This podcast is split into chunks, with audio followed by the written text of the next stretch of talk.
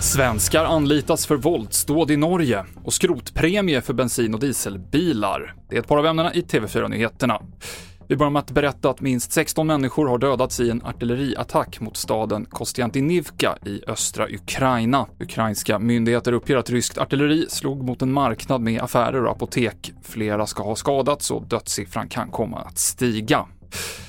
Fler personer har nu anhållits efter mordet på den 14-åring som hittades död i Upplandsbro norr om Stockholm i augusti. Två män, 18 och 19 år gamla, misstänks för medhjälp till mord och människorov. En 21-årig kvinna har också blivit anhållen misstänkt för försök till grovt skyddande av brottsling. Och sen tidigare sitter en 15-årig pojke häktad misstänkt för medhjälp till mord.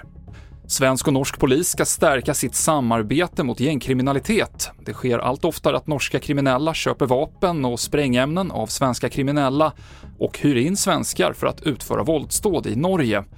Enligt rikspolischef Anders Thornberg handlar det även om ett samarbete för att stoppa rekryteringen av barn och unga till gängen. Vi har en lång gräns ihop. Vi är en, en, speciell del av Europa. Här ser vi också ett behov av ett särskilt utbyte eftersom det finns kriminella som, som reser mellan våra länder, begår brott i varandras länder och också att den svenska organiserade brottsligheten har visat stort intresse för den norska narkotikamarknaden och annat och då hjälps vi åt.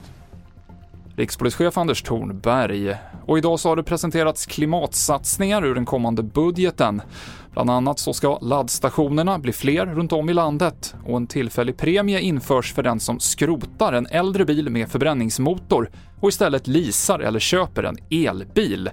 Det är oklart hur gamla bilarna måste vara och hur stor premien kan bli. Det avslutar TV4-nyheterna. Jag heter Mikael Klintevall.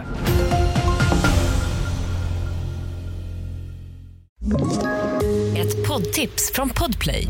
I fallen jag aldrig glömmer djupdyker Hasse Aro i arbetet bakom några av Sveriges mest uppseendeväckande brottsutredningar. Går vi in med hemlig telefonavlyssning och, och då upplever vi att vi får en total förändring av hans beteende. Vad är det som händer nu? Vem är det som läcker? Och så säger han att jag är kriminell, jag har varit kriminell i hela mitt liv men att mörda ett barn, där går min gräns. Nya säsongen av Fallen jag aldrig glömmer på Podplay.